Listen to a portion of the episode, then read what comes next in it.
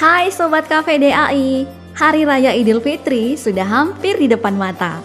Momen seperti ini biasanya selalu diwarnai dengan saling mengirimkan parcel kepada keluarga atau kerabat.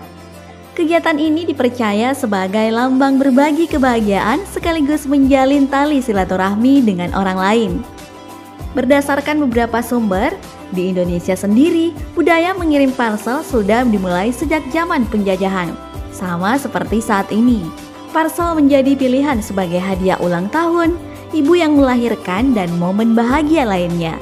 Parcel kala itu pun belum dikemas dengan dekorasi cantik seperti saat ini. Namun sebelum itu, budaya berkirim parcel telah ditemui di zaman penjajahan.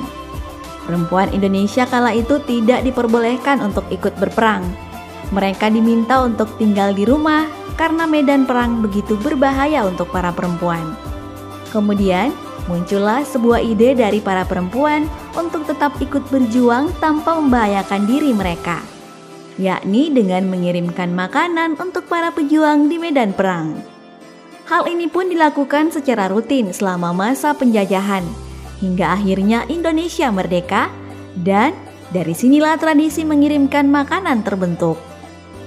Kebiasaan mengirimkan makanan tidak berhenti sampai di situ, melainkan terus berlanjut di hari Lebaran dan Natal dengan memberikan makanan kepada keluarga para pejuang. Pengiriman makanan dikemas dalam bentuk parcel dan terus berkembang hingga sekarang. Di masa pandemi sekarang pun budaya mengirimkan parcel atau bingkisan lainnya semakin sering dilakukan. Ini bertujuan untuk menghibur hati sekaligus sebagai bentuk kepedulian terhadap orang tersayang. Sobat Cafe Dai, mari menyebar kebahagiaan dan kepedulian kepada sesama dalam bentuk apa pun. Walau tanpa bingkisan, yang penting menghadirkan senyuman.